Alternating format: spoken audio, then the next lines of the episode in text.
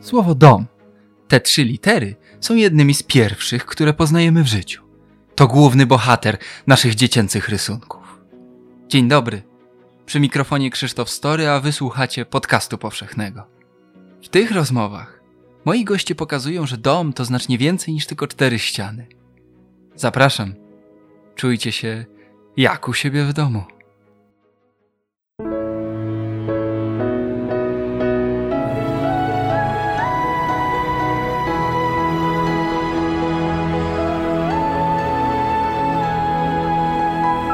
Podcast powszechny. Weź, słuchaj. Pamiętam, kiedy po raz pierwszy usłyszałem tę opowieść na festiwalu podróżniczym.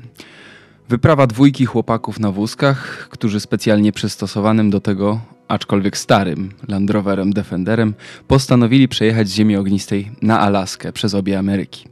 Zajęło im to ponad rok. Pamiętam, że pokazywali na filmie, jak wsiadali do samochodu. To, co dla większości z nas jest kwestią kilku sekund, im zajęło ponad 20 minut i wymagało użycia choćby wind. Dlatego dzisiaj porozmawiamy o podróży, o pełnosprawności i o różnych znaczeniach słowa możliwe. Moim gościem jest podróżnik i fotograf Michał Worach. Cześć. Cześć, dzień dobry. Michał, trzy miesiące temu wróciłeś z wyprawy w Himalaje. E, próbowaliście przejechać dookoła Anapurny na specjalnie skonstruowanych łazikach, ale zanim tam dotarłeś, to czekała cię długa droga i musimy ją tutaj trochę, choćby skrótowo, przypomnieć. W wieku 16 lat usłyszałeś diagnozę SMA, czyli zanik mięśni. Powiedz mi, czy już wtedy podróże były jakoś obecne w Twoim życiu? Nie, to jest tak, że te podróże dopiero y, zaczęły się w momencie, kiedy usiadłem na wózek, a to było zdecydowanie później. Taki przełom y, końca liceum, początek studiów, powoli siadałem na ten wózek, bo to też nie był taki nagle jeden moment, kiedy już musiałem siedzieć, tylko jeszcze robiłem parę kroków, y, parę metrów chodząc, ale za często się przewracałem i fizjoterapeuci mówili, że lepiej e, e, siedzieć i iść na wózku, niż się co chwilę przewracać. No i rzeczywiście tak było. No i też tak się potoczyło moje życie, że odkąd usiadłem na wózek, zacząłem też podróżować więcej niż kiedykolwiek wcześniej, jak miałem nogi. Pamiętam, że mówiłeś i na prezentacji, i kiedyś w naszej rozmowie, że moment, w którym usiadłeś na wózek, to był moment, w którym w końcu mogłeś spokojnie rozejrzeć się dookoła i zacząć obserwować świat, że to był taki moment prawie że ulgi. A pamiętasz ten, ten proces siadania? Jak ty to zniosłeś wtedy i co czułeś, kiedy usłyszałeś diagnozę, której nikt nie chce słyszeć? To z diagnozą to było też tak, że ja do końca nie miałem pojęcia, co słyszę. To wiesz, jesteś młodym chłopakiem, słyszysz gdzieś tak za drzwiami, bo nikt ci tego w twarz nie chce powiedzieć, tylko podsłuchujesz rozmowę profesor z rodzicami i słyszę, że to jest poważna choroba prowadząca do śmierci, że, e, no, że to nie będzie łatwe, co będzie się zaraz działo, ale jakoś nie potrafiłem tego do, dopuścić do siebie. E, rzeczywiście było tak, że jak e, usiadłem na wózek, to zacząłem no, lepiej patrzeć na świat, bo jak chodziłem te ostatnie momenty, to było tak, że po prostu cały czas musiałem patrzeć pod nogi, bo jakiśkolwiek kamień albo mały krawężnik, jakbym się potknął, to upadałem na ziemię. Więc nagle siadam na wózek i nagle mogę podnieść głowę i patrzeć na to, co się dzieje dookoła. No i rzeczywiście było tak, że ten początek był super, ale też zaraz potem przyszło takie ochłodzenie i ostudzenie tych, tego super i przyszedł no, taki trudny czas, można nawet powiedzieć, e, bardzo trudny. Co ci pomogło przetrwać? Wiem, że w, e, wiem, że w końcu trafiłeś do środowiska anarchistycznego, zacząłeś grać sambę, no i potem już się jakoś potoczyło. Tak, ale to jest długi, długi proces, bo to też jest tak, że jak zacząłem studiować, zacząłem od informatyki na ułamie w Poznaniu, ale tam jak siadałem na ten wózek, gdzieś wychodziłem, to nikt nie chciał ze mną rozmawiać i to było najtrudniejsze. E, były studia, były, e, były też spotkania popołudniami i nikt nie chciał ze mną rozmawiać. Ale wiązałeś to ze swoją niepełnosprawnością? Związałeś to z wózkiem? Czy... Jestem przekonany, że to, że to było w dużym stopniu to, że po prostu w złe środowisko wpadłem, że jakoś tak osoby e, no, no, nie potrafiły ze mną rozmawiać, a ja też nie potrafiłem z nimi. Wróciłem wtedy do, do domu rodzinnego i się tak załamałem, że siedziałem w domu, czekałem tak naprawdę, aż mama przyjdzie w pracy i przed przyjściem jej z pracy wstawałem z łóżka, żeby nie było jej przykro, że, że cały czas leżę. Ale jakoś tak e, no, los się potoczył, że mam oprócz wspaniałej rodziny też wspaniałych przyjaciół, którzy zaczęli jakoś tak aktywizować mnie w różnych kierunkach. Między innymi też na jednym ze spotkań właśnie w Janowcu, czyli tam, gdzie, gdzie mieszkam, gdzie jest moje rodzinne miasto. Janowcu Wielkopolskim. Janowcu Wielkopolskim przyjechała, przyjechała z moją przyjaciółką e, dziewczyna, Michasia, która ściągnęła mnie do Poznania. No i tak to się e, potoczyło i odmieniło. No i rzeczywiście wtedy też e, z grupą znajomych zacząłem chodzić na rozbrat w Poznaniu. I nagle zacząłem się orientować, że, że gdzieś coś innego, że jak idę na drugi raz na, w to samo miejsce, to ktoś ze mną rozmawia i jeszcze nawiązuje do poprzedniej rozmowy. I to naprawdę był duży przeskok z takiej, wiesz, nie, mm, niezrozumienia i niechęci rozmowy. I gdzieś jak byłem na imprezach, to rozmawiali tylko ze mną upici faceci, którzy uwieszali się nad moją szyję, mówili, ej, dobrze tu jesteś, ale jak byli trzeźwi, nie rozmawiali. Dziewczyny tym bardziej. E, a tu nagle jestem na rozbracie, gdzie po prostu są super rozmowy i dzieją się różne piękne rzeczy. No i między innymi zacząłem grać e, e, sambę anarchistyczną właśnie na rozbracie. Jedną, pierwszą w Polsce, która była. Dla tych z was, którzy nie znają miejsca, rozbrat to najsłynniejszy poznański skład. E, a mm, wiem, że potem wraz z grupą sambową wspieraliście e, rozmaite protesty. Mówisz o przeskoku, e, że to był taki przeskok, wyrwanie się z Janowca po takim tym pierwszym trudnym okresie. Ten początek twojej historii, te studenckie czasy, to jest chyba czas w ogóle przeskoków, bo paradoksalnie, chociaż poruszasz się na wózku, to najpierw przeskok do jednego z najbardziej otwartych i takich barwnych środowisk, a potem przeskok do wielkiej podróży w zasadzie. Rzeczywiście, przeskok był duży i to też nie jest od razu, że to jest czas studencki, bo ja zacząłem pracować. Pracowałem też w fundacji, która pomaga osobom z niepełnosprawnościami organizować e, wyjazdy e, e, na turnusy rehabilitacyjne między innymi ale w pewnym momencie stwierdziłem, że lepiej studiować niż, e, niż pracować e, i że, że, że, że chcę spróbować. No i rzeczywiście tak było, że, że kolejnym krokiem była chęć studiowania na Akademii Sztuk Pięknych, na grafice.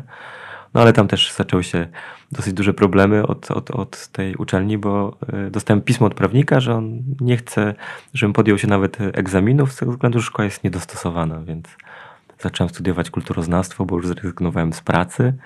No i stwierdziłem, że, że skoro student za piątki może mieć pieniądze, no to tak też i zrobię, e, żeby się utrzymać w Poznaniu, żeby nie wracać do domu. I też robiłem tak rok zerowy na, e, e, na akademii, żeby udowodnić uczelni, że jednak się mylą, że szkoła jest niedostosowana, że dam radę studiować na trzecim piętrze. No i to był pierwszy przeskok. Drugi rzeczywiście ta, ta samba i, i, i granie.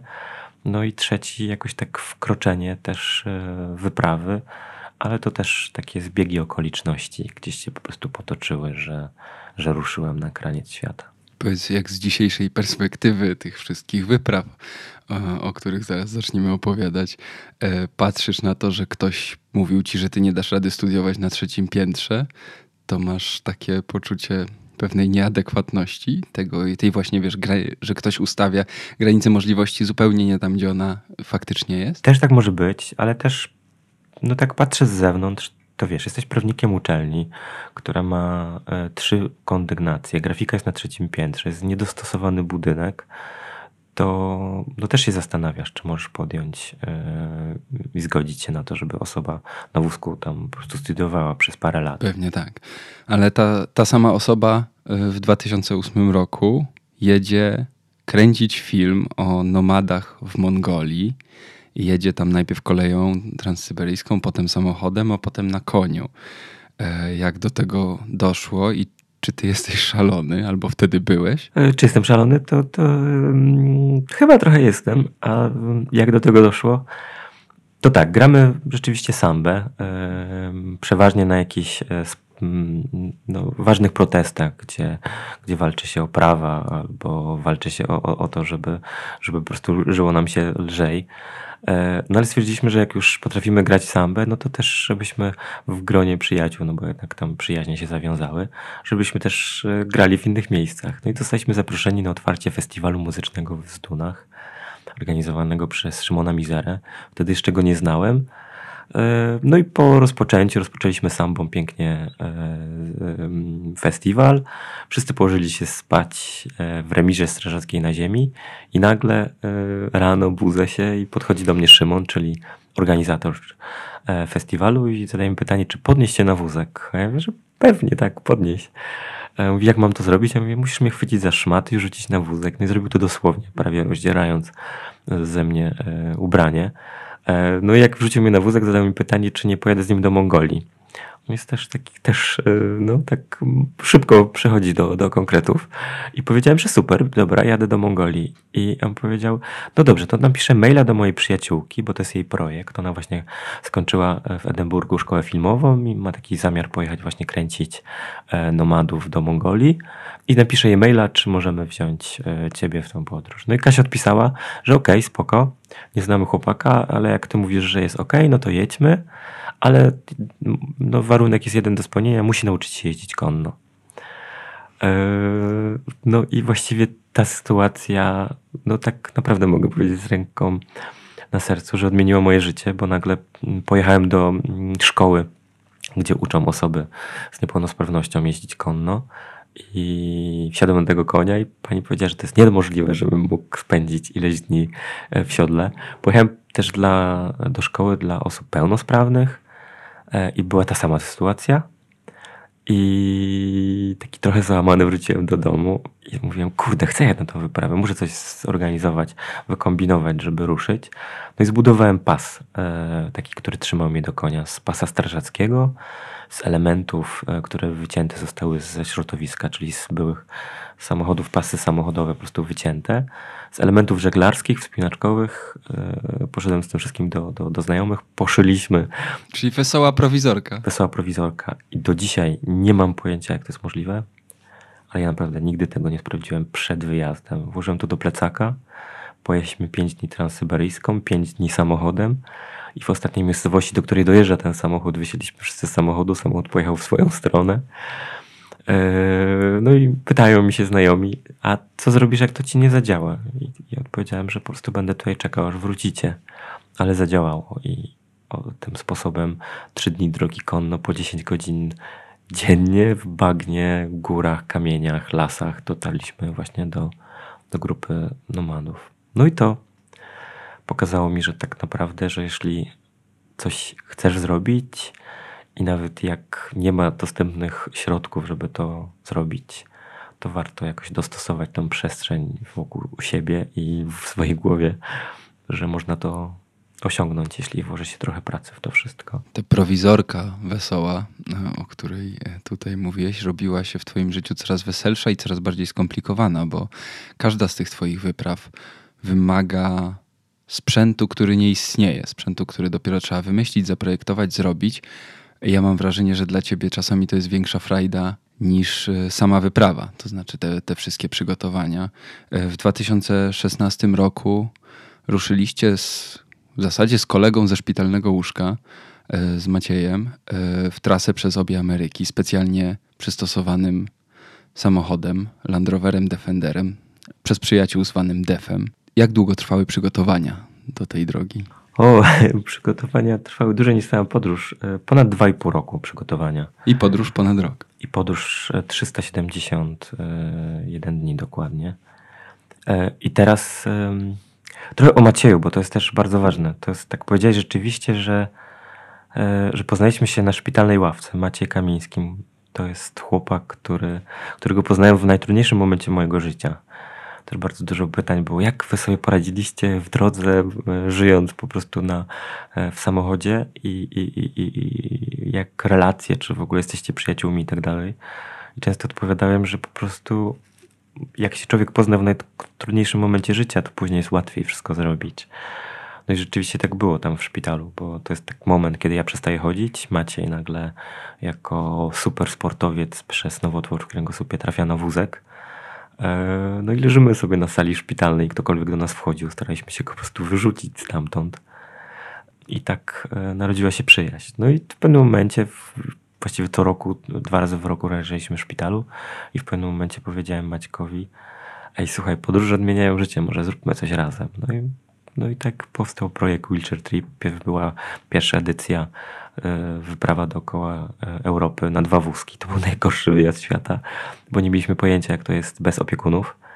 E, Trzy i pół miesiąca jadąc dookoła Europy, zahaczając Maroko. Trudny wyjazd. No, na przykład jako młodzi ludzie dojeżdżamy gdzieś na wybrzeże Włoch, widzimy jak lu- ludzie wyskakują z swoich samochodów, biegną do morza, a my zatrzymujemy się przed plażą i na wózkach nie jesteśmy w stanie tego, tego zrobić. No i rzeczywiście kolejny jakiś krok większy to był Defender i wyprawa przez Ameryki. Podróże naprawdę odmieniają życie? Tak y, dalej byś się pod tym podpisał? Mm, tak, jeszcze, chyba jeszcze bardziej. Teraz jeszcze więcej rzeczy widzę po tej ostatniej podróży, które gdzieś zrodziły się we mnie, ale z takich największych rzeczy, które czuję, to czuję, że taka strefa komfortu mi się rozszerzyła, że rzeczy, które kiedyś wydawały mi się trudne i które sprawiały, że, że czułem się nieswojo, to teraz w ogóle nie, e, no, nie mogę powiedzieć, że mnie nie ruszają, ale e, jakoś łatwiej mi się z nimi e,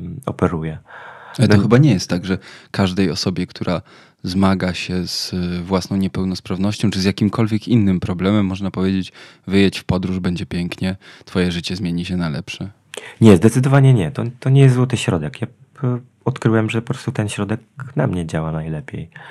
Wydaje mi się, że, e, że równie e, akurat podróże w moim przypadku sprawiają, że jestem szczęśliwy. Wydaje mi się, że równie szczęśliwy może, może, być, może być osoba równie szczęśliwa, która nigdy nigdzie, nigdzie nie wyjechała, bo, bo nie potrzebuje tego. Ja akurat zorientowałem się, że to jest e, no, świetna rzecz do, do zmieniania mojego podejścia do życia. Też stała się twoim życiem, twoją pracą, y, takim sposobem na, na funkcjonowanie. E, Mówiłeś o szczęściu. Jeszcze jedno pytanie o tej, amerykańs- o tej amerykańskiej drodze. 371 dni samej podróży, y, 2,5 roku przygotowań, 65 tysięcy kilometrów. Y, Który etap, nie może konkretny moment, ale etap y, tej podróży był dla ciebie największym źródłem szczęścia? No to może tak e, z dwóch stron. Teraz z perspektywy czasu wszystkie najtrudniejsze rzeczy opowiada się jak najlepszą historię, więc te trudne rzeczywiście e, teraz jak je wspominam, to one były najlepsze, bo tak naprawdę mm, poczucie tego, że potrafiliśmy poradzić sobie na przykład z zerwanym rozrządem, czyli tak naprawdę ko- kolokwialnie mówiąc mieliśmy wybuch silnika w Nikaragui i jak to dwójka chłopaków na wózkach radzi sobie naprawdę na obcym terenie, bez możliwości zadzwonienia do znajomego, to daje nieprawdopodobną energię, gdzie czekasz tydzień siedząc wręcz na krawężniku e, przed warsztatem samochodowym i nagle wszystko dzieje się tak, że odpalasz samochód, jesteś już w trasie, to te pierwsze pięć minut e, jazdy, że znowuż jesteś w drodze i udało ci się to wszystko po prostu wypracować, że jedziesz dalej, jest e, no nieprawdopodobne. A z drugiej strony, jak, jak pytasz o taką konkretną, konkretny moment, to moim marzeniem było dotrzeć do Iquitos. Iquitos to jest miasto nazywane stolicą dżungli.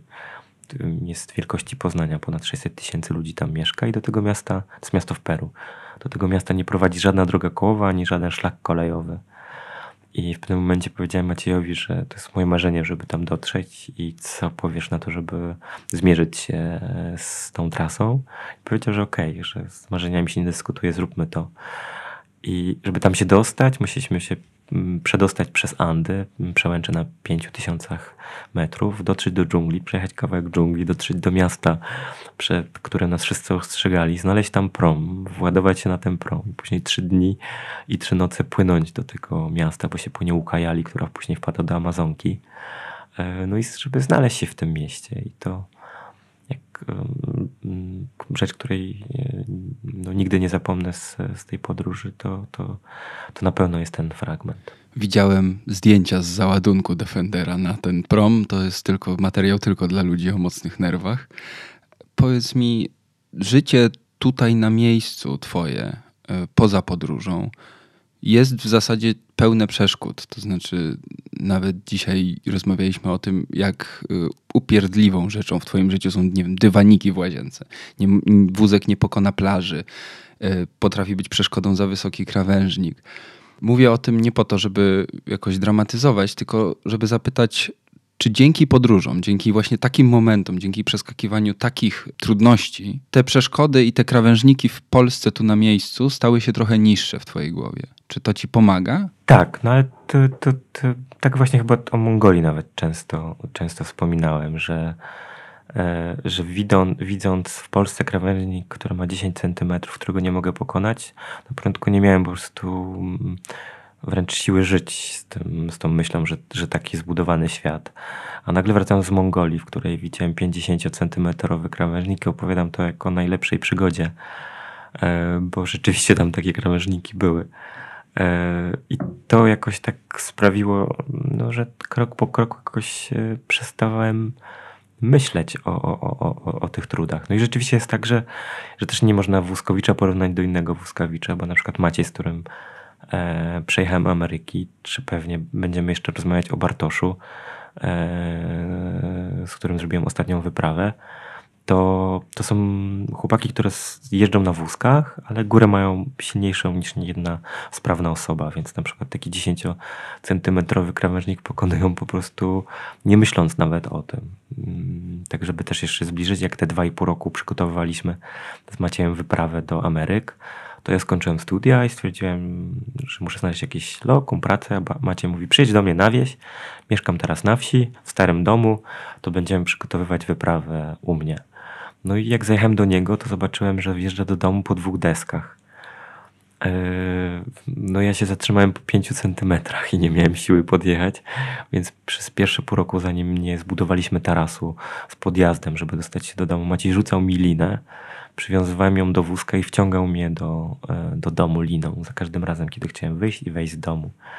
Więc e, to też tak, mm, mm, żeby zobrazować, że zawsze nie zawsze ta niepełnosprawność jest równa innej niepełnosprawności, wózek wózkowi i tak dalej, i tak dalej.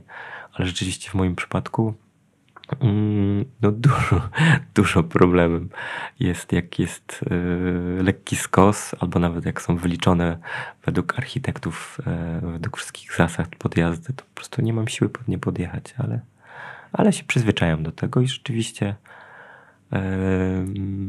podróże i, i życie, które prowadzę, sprawiają, że, że traktuję to jako taką informację. Dobra, nie możesz podjechać, nie możesz, to trzeba ogarnąć jakoś, żeby podjechać, albo kogoś poprosić, albo zmienić przestrzeń, albo, albo znaleźć rozwiązanie, żeby, zbudować coś, żeby po prostu się dostać tam, gdzie chce się dostać. Zbudować coś, dobre słowo. Wasz Defender miał pięć różnych wind, tak? Winda na dach, winda do wózka, winda do rowerka, który też sobie skonstruowałeś do wózka, taki podpinany, elektryczny, zasilany baterią e, rowerek, na którym Michał może pokonać do 100 kilometrów, tak? Na pełnym naładowaniu? Tak, to jest e, mocna jednostka, którą to jest naz jest w sumie teraz dostawką do wózka. Przed wjazdem w Ameryki chciałem ją kupić, ale była za droga, więc stwierdziłem, że, że jak jest za droga, to zbuduję ją sam. E, no sam to jest szumne słowo, bo, bo poprosiłem przyjaciela, żeby pomógł mi wyspawać widełki. Powiedział, że nigdy w życiu e, nie wyspawał i zawsze sobie mówił, że nie będzie spawał widełek bo to jest niebezpieczne. Spawaj, spawaj, dołóż dużo metalu, bo to musi być ciężkie, bo jak jest ciężkie, to ma przyczepność. Znalazłem super chłopaków, którzy budują baterie w żywcu, czy, czy, czy, czy Marcina, który zajmuje się silnikami e, elektrycznymi e, i, i forum elektrycznych e, pojazdów. No i dzięki tej wiedzy i dzięki temu, co sobie włożyłem w głowie, powstał właśnie powstała dostawka. No i no też powstała z takiej konieczności, bo jak byłem na pierwszym wheelchair tripie, to jak chciałem się przedostać z miejsca w miejsce, to prosiłem Macieja o pomoc. A Maciej jest typem raczej samotnika, który sobie woli posiedzieć, poczytać książkę, niż coś zobaczyć. No i, i zawsze mi pomagał, więc się chwytałem za wózek i przesuwał mnie z miejsca w miejsce. A stwierdziłem, że jak jadę w Ameryki, no to jest ta długa podróż i to, to będzie ciężko go co chwilę o coś prosić, więc rzeczywiście yy, myślałem o tym, żeby dołożyć do swojego wózka aktywnego, czyli bardzo lekkiego, zwrotnego, urządzenie, które będzie czasami mogło mnie przenieść w miejsce, do którego chciałbym dojść. No i zdarzyło się, że po 30 parę kilometrów dziennie robiłem na rowerku. To też wtedy zwiększa jakby twój zasięg i prędkość przemieszczania się, bo on do 30 na godzinę jeździ. Te maszyny, które wyglądają trochę prowizorycznie, ale na pewno zawierają dużo twojego umysłu i serducha, towarzyszą ci w zasadzie w każdej wyprawie W tej najnowszej, o której właśnie sobie opowiemy, towarzyszyły Wam łaziki, które wyglądały jakby wczoraj przyleciały z Marsa. Opowiedz o planie na wyprawę, bo celem było objechanie Anapurny w Nepalu, e, dziesiątej góry na świecie, e, jednego z piękniejszych ośmiotysięczników. E, tak, ale to, to tak w tych poprzednich projektach rzeczywiście te wszystkie maszyny i udogodnienia gdzieś wychodziły z moich myśli, ale tutaj w, tym, w tej ostatniej wyprawie to nie do końca, bo to też jest tak, że e, ostatnią wyprawę zrobiłem z Bartoszem Roskiem. To jest też chłopak, który e, porusza się na wózku. W ogóle trafił na wózek przez to, że latał na paralotni, spadł z paralotni, złamał kręgosłup, ale no, nie zrezygnował z ekstremalnych sportów. Jeździ na jednej narcie, pływa, jeździ po górach. e, lata Ostat... szybowcami. Tak, ostatnio, tak? ostatnio lata szybowcami. E, I Bartka też w ogóle spotkałem na tej samej sali szpitalnej, co, co, co Macieja, więc tak nas po prostu szpital w Bydgoszczy i oddział profesora Talara połączył. E, I rzeczywiście, e, no, no, tak jak wspomniałem, Bartek nie zrezygnował z tych sportów ekstremalnych i w pewnym momencie pokazał mi swoje łaziki elektryczne, które budował 4 lata. Mm, I zbudował je tylko dlatego, że mieszka w Zakopanem, chciał chodzić po górach, ale nie umożliwiało mu to po prostu to siedzenie na wózku. Zawsze się denerwował, że ludzie go wciągają po schodach i po, po, po skałach, więc stwierdził, że kupi sobie narzędzie, bo znalazł w internecie taki łazik, ale popsuł go w dwa tygodnie. Kolejny kupił, też się, też się zniszczył, więc wybudował swój. E, znalazł e, pana, który, który składa różne rzeczy. Powiedział, ja chcę to, pan mi pomoże i razem budowali to przez 4 lata, gdzie Bartek przyjeżdżał. Mówi, nie, nie, nie, to musimy inaczej, to urwie, albo gdzieś zrobił jakiś trening, to urwało się, musimy to wzmocnić. No i przez 4 lata wybudował tak zwane tatrzańskie pojazdy, na które kiedyś mnie zabrał i, i sprawił, że poczułem wolność, taką naprawdę wolność. I co? I wtedy przyszło ci do głowy, że skoro jestem wolny w Tatrach, bo ty chyba wtedy byliście właśnie w Tatrach na tej przejażdżce? Tak, w Tatrach. To pomyślałeś, to skoro mogę czuć wolność w Tatrach, to ja chcę w Himalaje? Nie, to zanim poczułem wolność, pomyślałem, że chcę w Himalaje. I z tą, y, y, no z tą, z tym mm, chęcią też wiąże się no, piękna historia. Wspomniałeś, że, że trochę mi się odmieniło życie przez podróże i odmieniło się też na tyle, że raz na jakiś czas zdarzało mi się opowiadać o Amerykach na festiwalach podróżniczych. I między innymi na festiwalu podróżniczym poznałem Andrzeja Bargiela, na kolejnym też się gdzieś widzieliśmy i na jakimś trzecim e, jednych z większych festiwali podchodzi do mnie i mówi, a ty co robisz tam za miesiąc czy za dwa? Ja mówię, no tak raczej wolne. To przyjedź do mnie na urodziny. Ja mówię, no Andrzej, mi się, my się nie znamy, to po co ja mam do ciebie na tę urodzinę jechać? A on mówi, przyjedź, przyjedź, tam musisz poznać osoby, które musisz poznać. No i tak się złożyło, że, że pojechałem do, e, na te urodziny. Włożono mnie do samochodu terenowego, wieziono gdzieś wysoko w góry, później wciągnięto po dziesiątkach schodów do sali, gdzie odbywała się, odbywały się te urodziny. I nagle się odwracam od stołu i widzę Bartka. Bartka Mrozka, z którym właśnie byłem w Himalajach. I Bartek patrzy na mnie, mówi, co tutaj robisz? Więc opowiedziałem mu historię, a ty to co, co tutaj robisz? A on mówi, no ja znam jeszcze Andrzeja, jak, jak chodziłem, jeszcze był takim małym chłopaczkiem, bo jest młodszy ode mnie. No i przyjechałem mu to życzenia złożyć. Mówi, ale dobrze, że jesteś, ja ci opowiem o moich pojazdach górskich. No i wtedy opowiedział o tych e, tatrzańskich. E, wtedy zadał mi pytanie, czy może byśmy zrobili coś szalonego z Maciejem e, i z nim e, w górach. Powiedziałem mu wtedy, że dobrze, zróbmy coś szalonego, ale bym chciał też zrobić coś trudnego. I tak stwierdziliśmy, że skoro powietrze przesiąknięte jest Himalajami, no to spróbujmy Himalaje.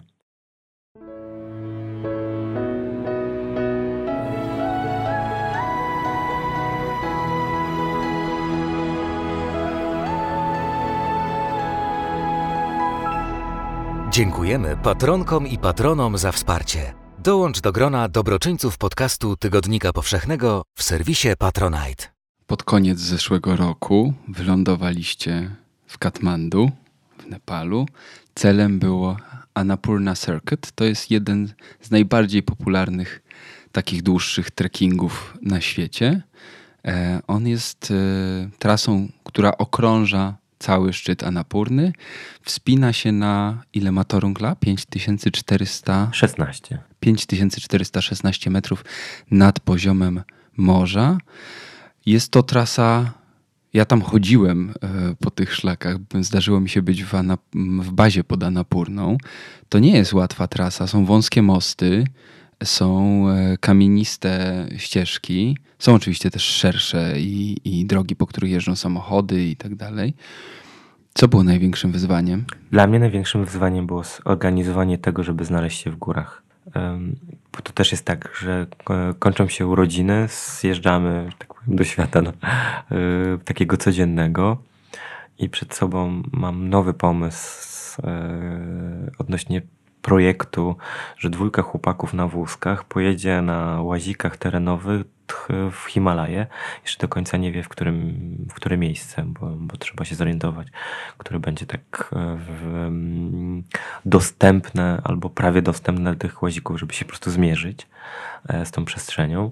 E, Więc zaczęło się od poszukania po prostu miejsca. Doszliśmy do wniosku właśnie, że, że trekking dookoła Annapurny będzie e, no, wymagający, ale może być możliwy na te nasze łaziki.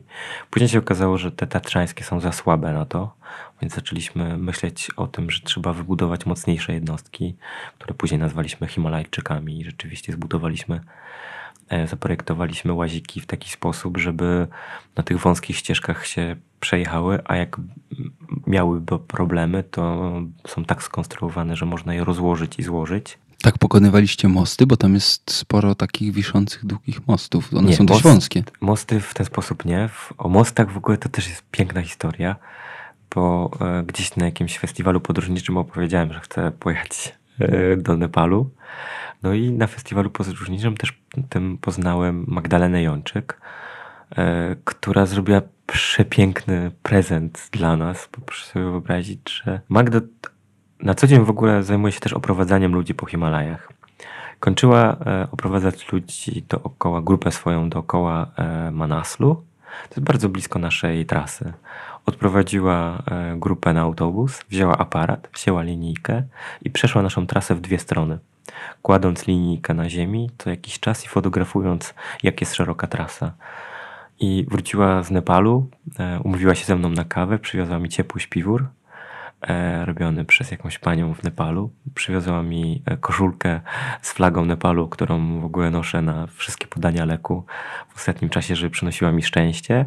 I da, wręczyła mi kartę z zdjęciami, gdzie e, no, dzięki której, dzięki której dostaliśmy całą dokumentację trasy w taki sposób, jak nikt inny po prostu nie, nie zastanowił się nawet, e, żeby zmierzyć szerokość mostu. I te łaziki nowe powstały w taki sposób, żeby przejechać po moście, więc e, teraz jakbyśmy w górach i przejeżdżały przez most, to było pół centymetra po lewej i pół centymetra po prawej. I gdyby, gdyby nie Magda, e, no nie wiem, czy byśmy tak wstrzelili się w szerokość tych mostów. E, No i to, to, to, to, to jest jeden z elementów takich przygotowań, żeby, żeby właśnie wystartować w górę. Znowu dwa i pół roku yy, chyba przygotowań. Ile było przygotowań? Ostatnio sobie to liczyłem i jest ponad 950 dni, To są prawie trzy lata. prawie 3 lata. Trzy lata przygotowań, wyprawy ile? 42? 41 dni. 41 dni. No, ale te logistyczne wyzwania, ja myślę, że wydaje mi się, że ty to lubisz. Tak, ale teraz się w ogóle zorientowałem. Ostatnio roz, rozmawiałem yy,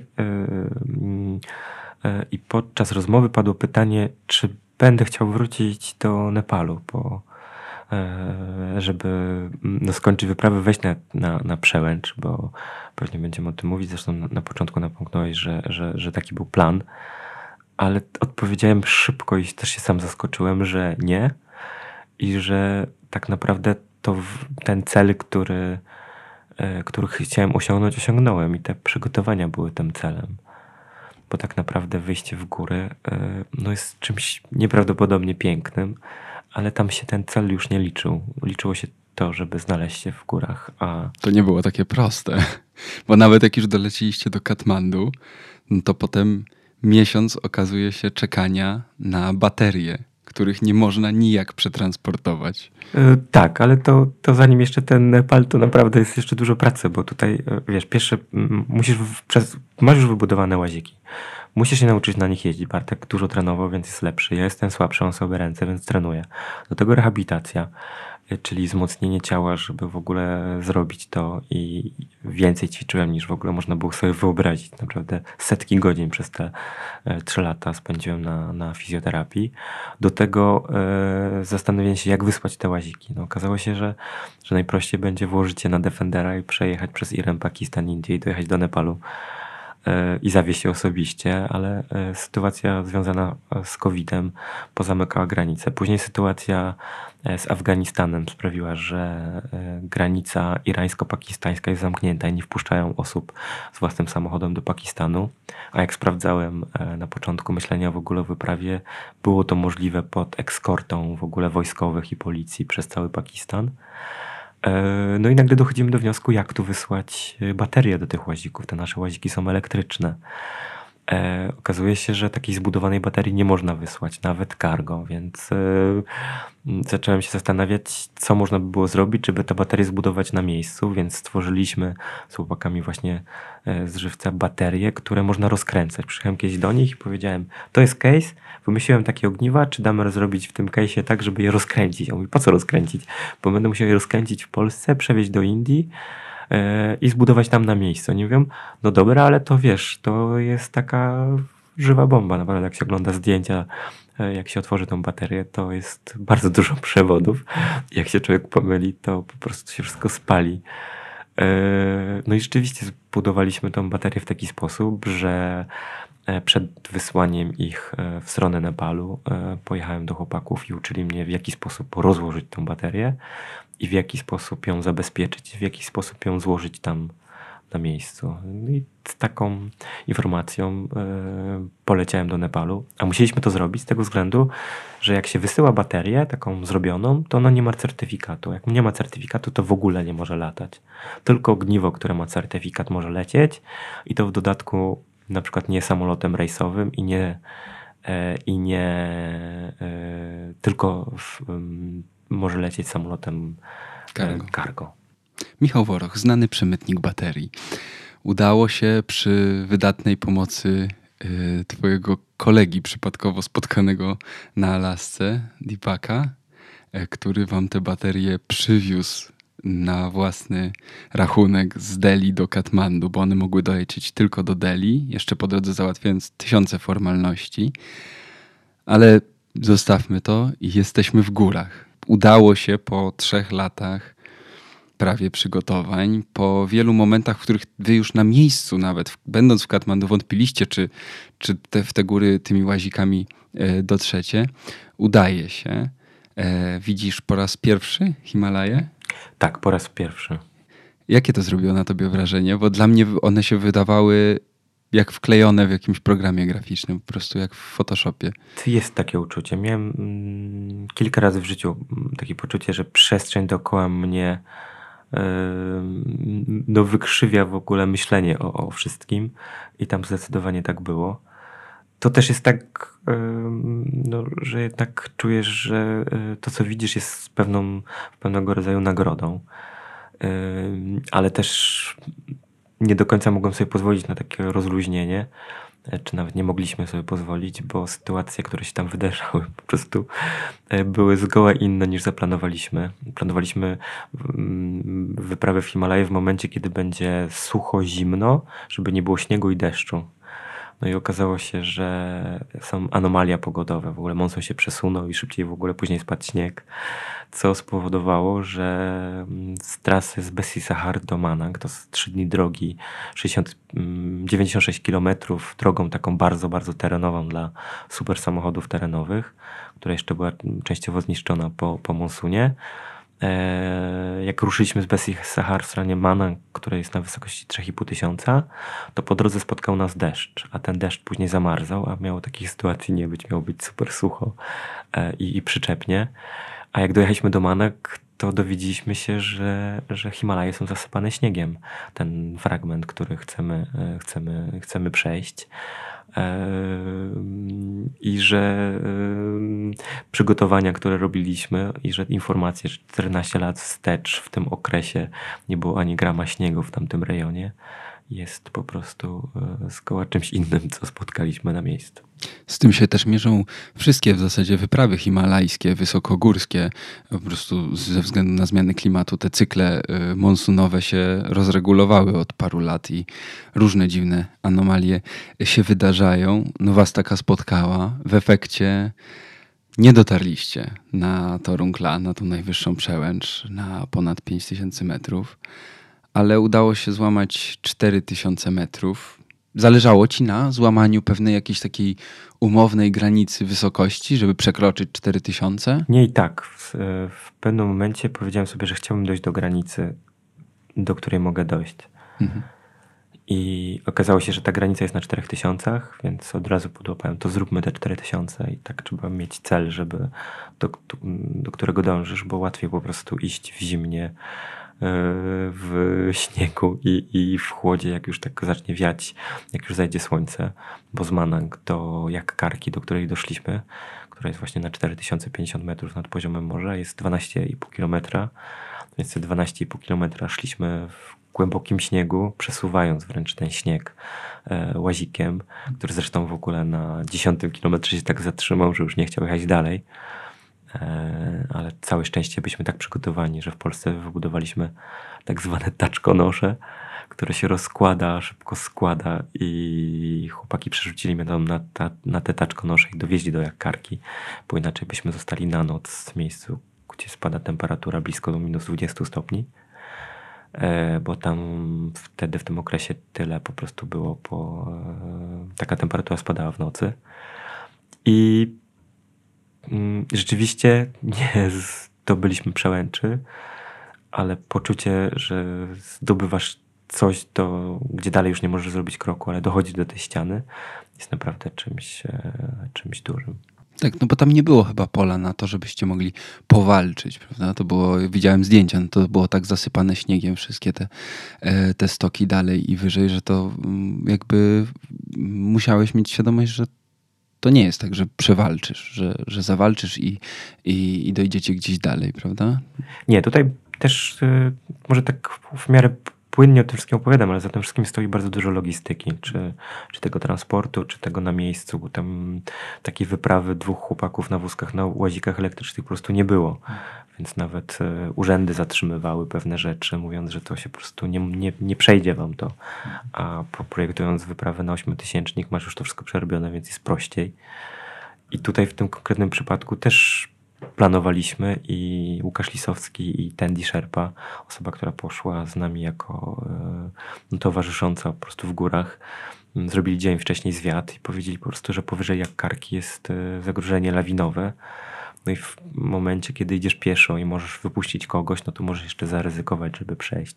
Ale tutaj, jak idzie kilka osób e, i jest łazik, który waży ponad 100 kg i wręcz odcina śnieg kołami, to już to zagrożenie lawinowe naprawdę bardzo jest duże.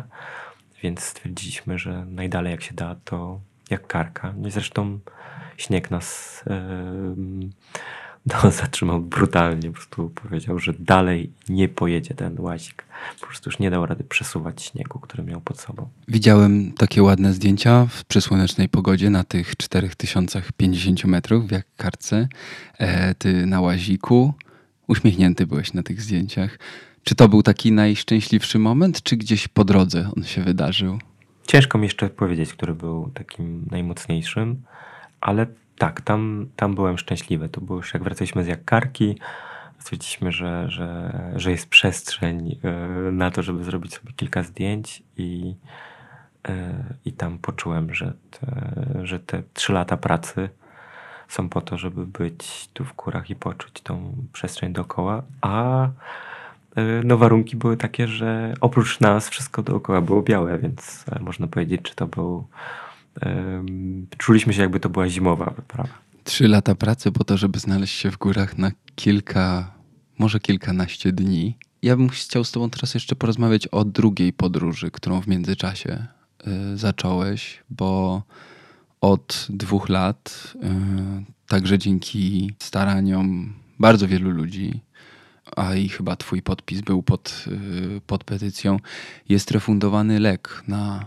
zanik mięśni. Szansa na to, że przy bardzo ciężkiej włożonej pracy i podjęciu terapii choroba przestaje postępować, a nawet ustępuje. Ja pamiętam, że rozmawialiśmy dwa lata temu na łamach Tygodnika Powszechnego i ty mówiłeś, że jesteś bardzo pogodzony z tym, ze swoją chorobą, z tym, że ona będzie ci po prostu kolejne rzeczy zabierać, że nie, chce, nie chcesz walczyć. W którym momencie stwierdziłeś, że jednak decydujesz się, bo to chyba nie jest łatwa decyzja, żeby po tylu latach od nowa zacząć walczyć de facto. Tak, to już rzeczywiście tak jest. No to mm, przez lata próbowałem się pogodzić z tym, co mam, że jednak co pół roku, co roku znaczna część rzeczy mi po prostu odpada z wachlarzu, rzeczy, które mogę zrobić samodzielnie. I rzeczywiście jest tak, że ty, no, całe życie się uczyłem i wkładałem sobie w głowę, no, żeby być szczęśliwym w sytuacji, w której mam. I nagle przychodzi nowe, które mówi, że musisz wszystko zburzyć, co, się, co wybudowałeś przez te wszystkie lata. To tak naprawdę sprawia, że, że jesteś szczęśliwy. Ale e, e, pojawiła, się, pojawiła się opcja właśnie leku, pojawiła się opcja zbierania podpisów. No i w tym momencie stwierdziłem, dobra, to zróbmy to. Po prostu potrafiłeś się przekierować na to, że, że to, co jest teraz, jest ok, to, to też ci się uda, żeby przekierować, zwłaszcza, że to będzie lepsze. I, i takim dużym krokiem, zresztą nawet przyjaciele później do mnie dzwonili i mówili, że wow, że coś się zmieniło, to było na, na, mojej, e, na moim fanpage'u odnośnie podróży. Puściłem informację, że jestem chory na zanik mięśni, tak bardzo oficjalnie to wszystko opisałem plus to, że jest teraz refundacja i że proszę wszystkich o podpisy i dzięki tej akcji naprawdę bardzo, bardzo dużo podpisów zostało złożonych pod petycją, więc też skorzystam z okazji, więc dziękuję tym, którzy to zrobili, e, bo to miało znaczący wpływ na to, że jest refundacja w Polsce. No i po refundacji zaczęła się e, tak naprawdę no nie mogę powiedzieć, że walka, no bo nie, nie przypadam za tym słowem, ale ciężka praca nad tym, żeby, żeby przyjąć ten lek, bo to też nie jest taki prosty, żeby dostać się do programu i też e, żeby się rehabilitować po prostu, e, bo jest to niezbędne do tego, żeby, żeby ten lek po prostu działał, więc tak naprawdę wywróciłem życie i teraz na pierwszym miejscu jest e, rehabilitacja i lek, a reszta jest dookoła, ale dzięki temu naprawdę dobrze mi się żyje. Widzisz, że więcej możesz? Na pewno mogę te same czynności robić dłużej. To jest, że wydolność mi mm, się polepszyła. Też od dwóch lat przyjmuję lek, a na okresie dwóch lat zawsze mi coś zanikało w takim naprawdę bardzo dużym stopniu, w sensie, że nie mogłem czegoś wykonać, a teraz jakichś takich dużych rzeczy nie zauważyłem a w niektórych kwestiach jestem silniejszy, więc. Pamiętam, że opowiadałeś mi e, wtedy dwa lata temu, że po wyprawie do Ameryk przestałeś móc sam wsiąść na wózek z ziemi, albo bardzo rzadko byłeś to w stanie zrobić. E, I to jest taka rzecz, która pamiętam, że opisywałeś to jako taką diametralną zmianę w ogóle komfortu życia. Tak, no bo to, to też jest tak, że wiesz, że jak zejdziesz na ziemię, to już nie wejdziesz z powrotem na wózek. Albo jak przez przypadek spadniesz, to też nie wejdziesz. I, e, i teraz też jeszcze nie mogę tego zrobić, ale yy, przez to, że jest rehabilitacja i przez to, że jest lek, na rehabilitacji bardzo dużo czasu poświęcam na um, uczenie się z powrotem wchodzenia. I już takich, można powiedzieć, laboratoryjnych warunkach, czyli jak mam dobre podłoże i kozetkę, to jestem w stanie wejść na tą kozetkę w taki sposób, jak wchodziłem zawsze na wózek. Zanim wziąłem lek, to już tego na kozetkę nie mogłem zrobić, więc to już jest taki duży, duży postęp. Ale to jest, no, dużo wysiłku muszę zrobić, żeby to zrobić, ale rzeczywiście no, udaje się to wyćwiczyć. No, ale to jest dwa lata pracy nad tym, żeby z ziemi wejść na kozetkę. Leczysz się w Łodzi, a fizjoterapię masz w Bielsku Białej. I w Bydgoszczy. I w Bydgoszczy. Kręcisz kilometry y, samochodem, mieszkając w Poznaniu, y, dodajmy, od jakiegoś czasu. E, jak wygląda i terapia, i tym lekiem, i fizjoterapia? Terapia lekiem polega na tym, że raz na e, 4 miesiące jadę do Łodzi na podanie leku. Jadę super wcześnie rano, o siódmej wbijam się w kolejkę bo mam taki przykaz, że nie mogę stać w kolejce, muszę się prze, prze, przebić. Więc to jest najtrudniejszy moment dnia, bo trzeba spojrzeć tym ludziom w oczy, otworzyć drzwi, przejść przez nich, a bardzo nie lubię tego robić. I jak miał powiedzieć, to mnie najbardziej stresuje, nawet nie to podanie do kręgosłupa. Później przechodzi się przez szpital, który jest e, zabarykodowany z powodu covid więc tam naprawdę trzeba uważać na wszystko. I nagle wchodzę na oddział neurologii, gdzie E, uśmiechnięte panie pielęgniarki e, pobierają krew, wysyłają na jeszcze dodatkowe badania. Później jest taki też trochę trudniejszy moment. Fizjoterapeutki sprawdzają, czy nie pogorszył mi się stan zdrowia. I jest taki przy, taka rzecz niestety, że jeżeli trzy punkty spadnę w skali, które one sprawdzają, to wyrzucą mnie z projektu, więc to też jest bardzo takie no, trudne i stresujące. E, potem udaje się z powrotem na oddział E, przychodzi e, pani doktor, podpisuje dokumentu, że będę miał wstrzyknięty super płyn w kręgosłup. E, no i idę na punkcję, czyli na zabieg, który polega na tym, że wbija się igłę w odcinek lędźwiowy, ściąga się trochę płynu oponoordzeniowego i w to miejsce wpuszcza się lek. No i po takim zabiegu odcina mnie na parę godzin, dosłownie na 5 godzin, tak jak na pstryknięcie palcami zasypiam, budzę się po, po pięciu godzinach i wychodzę ze szpitala. Ten lek refundowany jest od 2019 roku, od stycznia. Obecnie, to jest stan na grudzień 2021, taką terapią jest objęte 762 osoby w Polsce, w tym 393 dzieciaki. To jest radykalna zmiana yy, dla niektórych, bardzo ciężko wywalczona. A jeszcze Cię zapytam o fizjoterapeutyczny y, ten aspekt. Jak wygląda fizjoterapia? Czy to są takie normalne ćwiczenia? Normalne ćwiczenia. Też wydaje mi się, że, że, że y, no każdy wybiera swoją ścieżkę tej fizjoterapii. Ja y, wybrałem taką, że, że, że wolę na, na, na jakiś czas się po prostu położyć i, i, i dużo ćwiczyć, bo czuję, że to więcej mi daje, więc wybieram takie turnusy. Między innymi właśnie tak jak wspomniałem w Bydgoszczy i, i w Bielsku. W Bielsku u Wojtka Romanowskiego jak jestem, to e, no, on leczy duszę i ciało. To jest facet, który, z którym ćwicząc można też pogadać i człowiek wychodzi po prostu 30 centymetrów wyżej e, niż, niż, niż, niż przed wejściem na, na, na, na zajęcia. A na zajęciach to, no, to jest, yy, przykro mi to powiedzieć, ale to jest duże lanie to jest 3,5, czasami 4 godziny fizjoterapii z przerwą. I po takiej fizjoterapii, jak dojdę na fizjoterapię, mam tą rehabilitację, kończę, wracam, e, to od, potrafi mnie odciąć na 3-4 godziny, ale w taki sposób, że mam stan podgorączkowy, bo bardzo dużo też pracujemy na układzie nerwowym, który po prostu jak wracam do domu mówi chyba przesadziłeś, idziemy spać, więc muszę się położyć i dosłownie mnie odcina. Próbowałeś szacować ile godzin poświęcasz na ćwiczenia? Mm, gdzieś nawet próbowałem to liczyć, bo też e, cieszę się, że tyle mogę godzin ćwiczyć. Fizjoterapia e, no nie jest tania, więc e, założyłem Patronite'a na fizjoterapię i też mam takie poczucie, że też muszę poinformować tych, którzy mi pomagają, jak to wszystko wygląda. Więc zaraz na jakiś czas robię jakąś tabelkę, która, która opowiada o tym, ile godzin, ile dni. Ale na przykład w tym roku byłem już 4 tygodnie na rehabilitacji na przykład 6 teraz e, będę na kolejne dwa tygodnie, a do czerwca będę 11 tygodni rehabilitacji miał.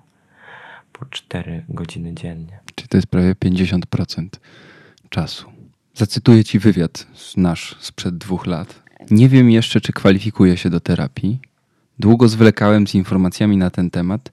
To trudne. 16 lat godziłem się z własną niepełnosprawnością. Ciężko jest zacząć od nowa walczyć i wierzyć. Co cię skłoniło do tego, żeby zacząć od nowa walczyć i wierzyć? To pewnie był dłuższy proces, ale co miało decydujący wpływ na to, że w końcu się przekonałeś? Teraz też współdziałasz z Fundacją SMA w Polsce. Kiedyś raczej się od tego dystansowałeś. Mm, wydaje mi się, że największy największą rzeczą, dlaczego tak zrobiłem, to przestałem się wstydzić, że choruję na zanik mięśni. Mhm.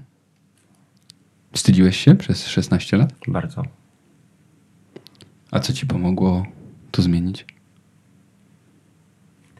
Wydaje mi się, że wszystko, co się wydarzyło w moim życiu, czyli rodzina, przyjaciele, podróże i to wszystko, co e, z tych trzech rzeczy e, no wyszło po prostu. To, co, no, wszystko to, co jest dookoła, pewnie sprawiło. No pamiętasz, jak kwalifikowali cię do programu, albo jak przyjąłeś pierwszą dawkę leku? Czy to jest taki moment, był taki moment, w którym pomyślałeś sobie, kurde, ja na poważnie zaczynam mieć jakąś nadzieję z tym związaną? Nie, to, był, to było jeszcze wcześniej. To, to było w momencie, kiedy stwierdziłem, że tak, że spróbuję walczyć i między innymi też o tą petycję o lek, o refundację leku. To jest ten moment. Jak już e, to wszystko się zaczęło, to już byłem w procesie. To Bałeś się tej w ogóle mieć nadzieję, że coś się poprawi? Też się bałem, no bo to jest, wiesz, e, jak się dowiadujesz, że jesteś chory, później bardzo mocno się rehabilitujesz i widzisz, że ćwiczysz więcej niż inni, a innym się poprawia, mają inne schorzenia albo urazy, a ty ćwiczysz, wkładasz wszystko i co pół roku jesteś gorszy, to boisz się znowuż postawić na tą jedną kartę i pójść w tą stronę po prostu. Dzisiaj nie tylko pracujesz nad sobą, ale też pracujesz z innymi po pierwsze jako już oficjalnie, czy chyba jeszcze nie, wolontariusz Fundacji SMA? Oficjalnie jeszcze nie. Tak e, będziemy niedługo pewnie podpisywać wszystkie e, dokumenty. Działasz, e, prowadzisz warsztaty, prowadzisz spotkania. Też na Twoich mediach społecznościowych dużo jest takich treści związanych właśnie nie tyle podróżami, ile, ile samą chorobą. Lubisz to? Tą taką trochę nową rolę ambasadora SMA, jeśli mogę to tak, czy osób z SMA w Polsce? Nie lubię tego, ale też czuję, że jest to potrzebne, żeby to, co mamy, żeby, żeby o tym mówić, że lek działa, że, że wszystko to co, to, co się dzieje, na przykład teraz mm, z, z fundacją mm, wywalczyliśmy, że są przesiewowe e, badania mm, na zanik mięśni, E, więc czuję bardziej misję, żeby to robić, niż e, opowiadać o tym, bo to w sumie nie ma chyba nic przyjemnego, żeby, żeby akurat w tej materii opowiadać, że się e, ćwiczy, męczy, albo czasami jest gorzej, albo czasami lepiej. A jak opowiadasz o podróży, to też opowiadasz o tym, że się męczysz, czasami jest gorzej, czasami lepiej.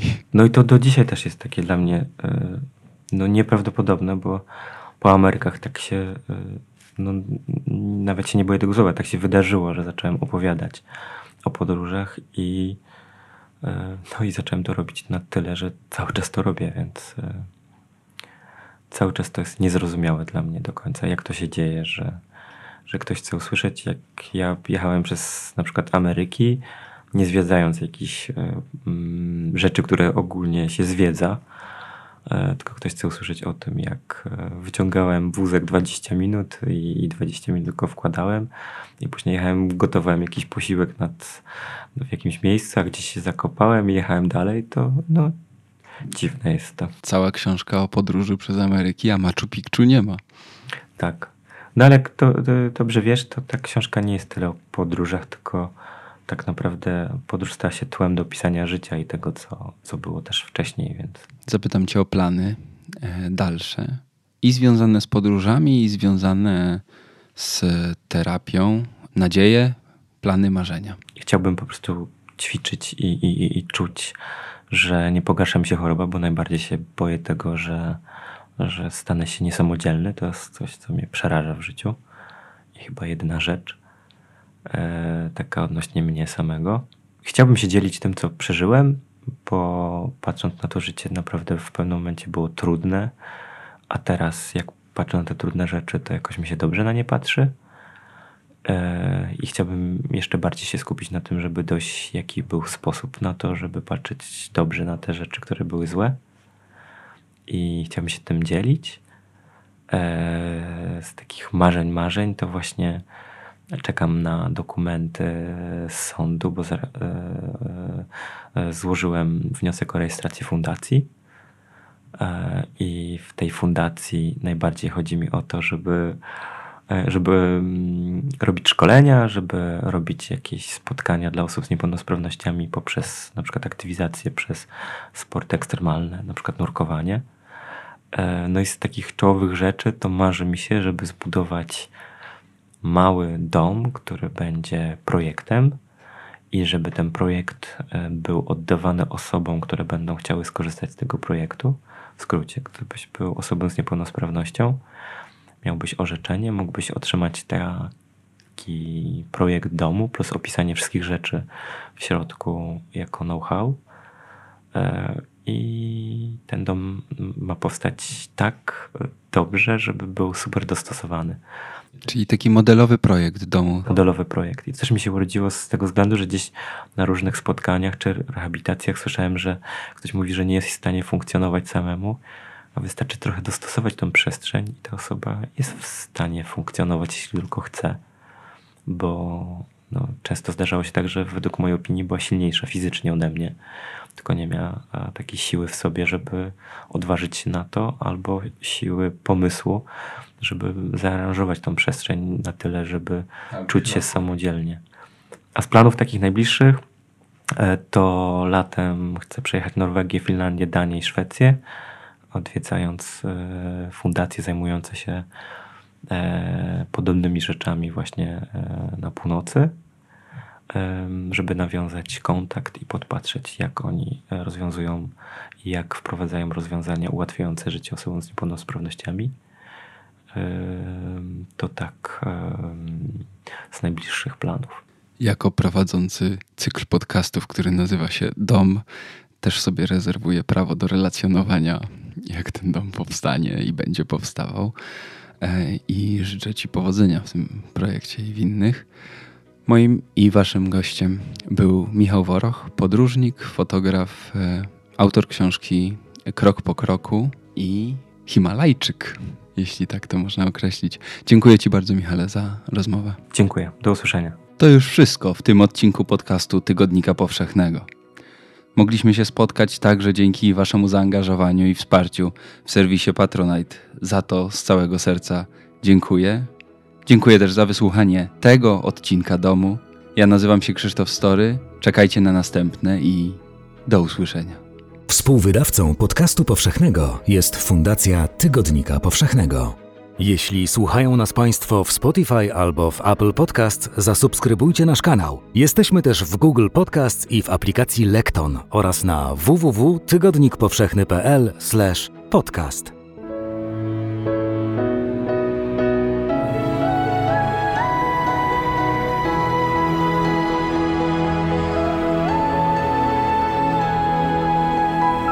Podcast powszechny.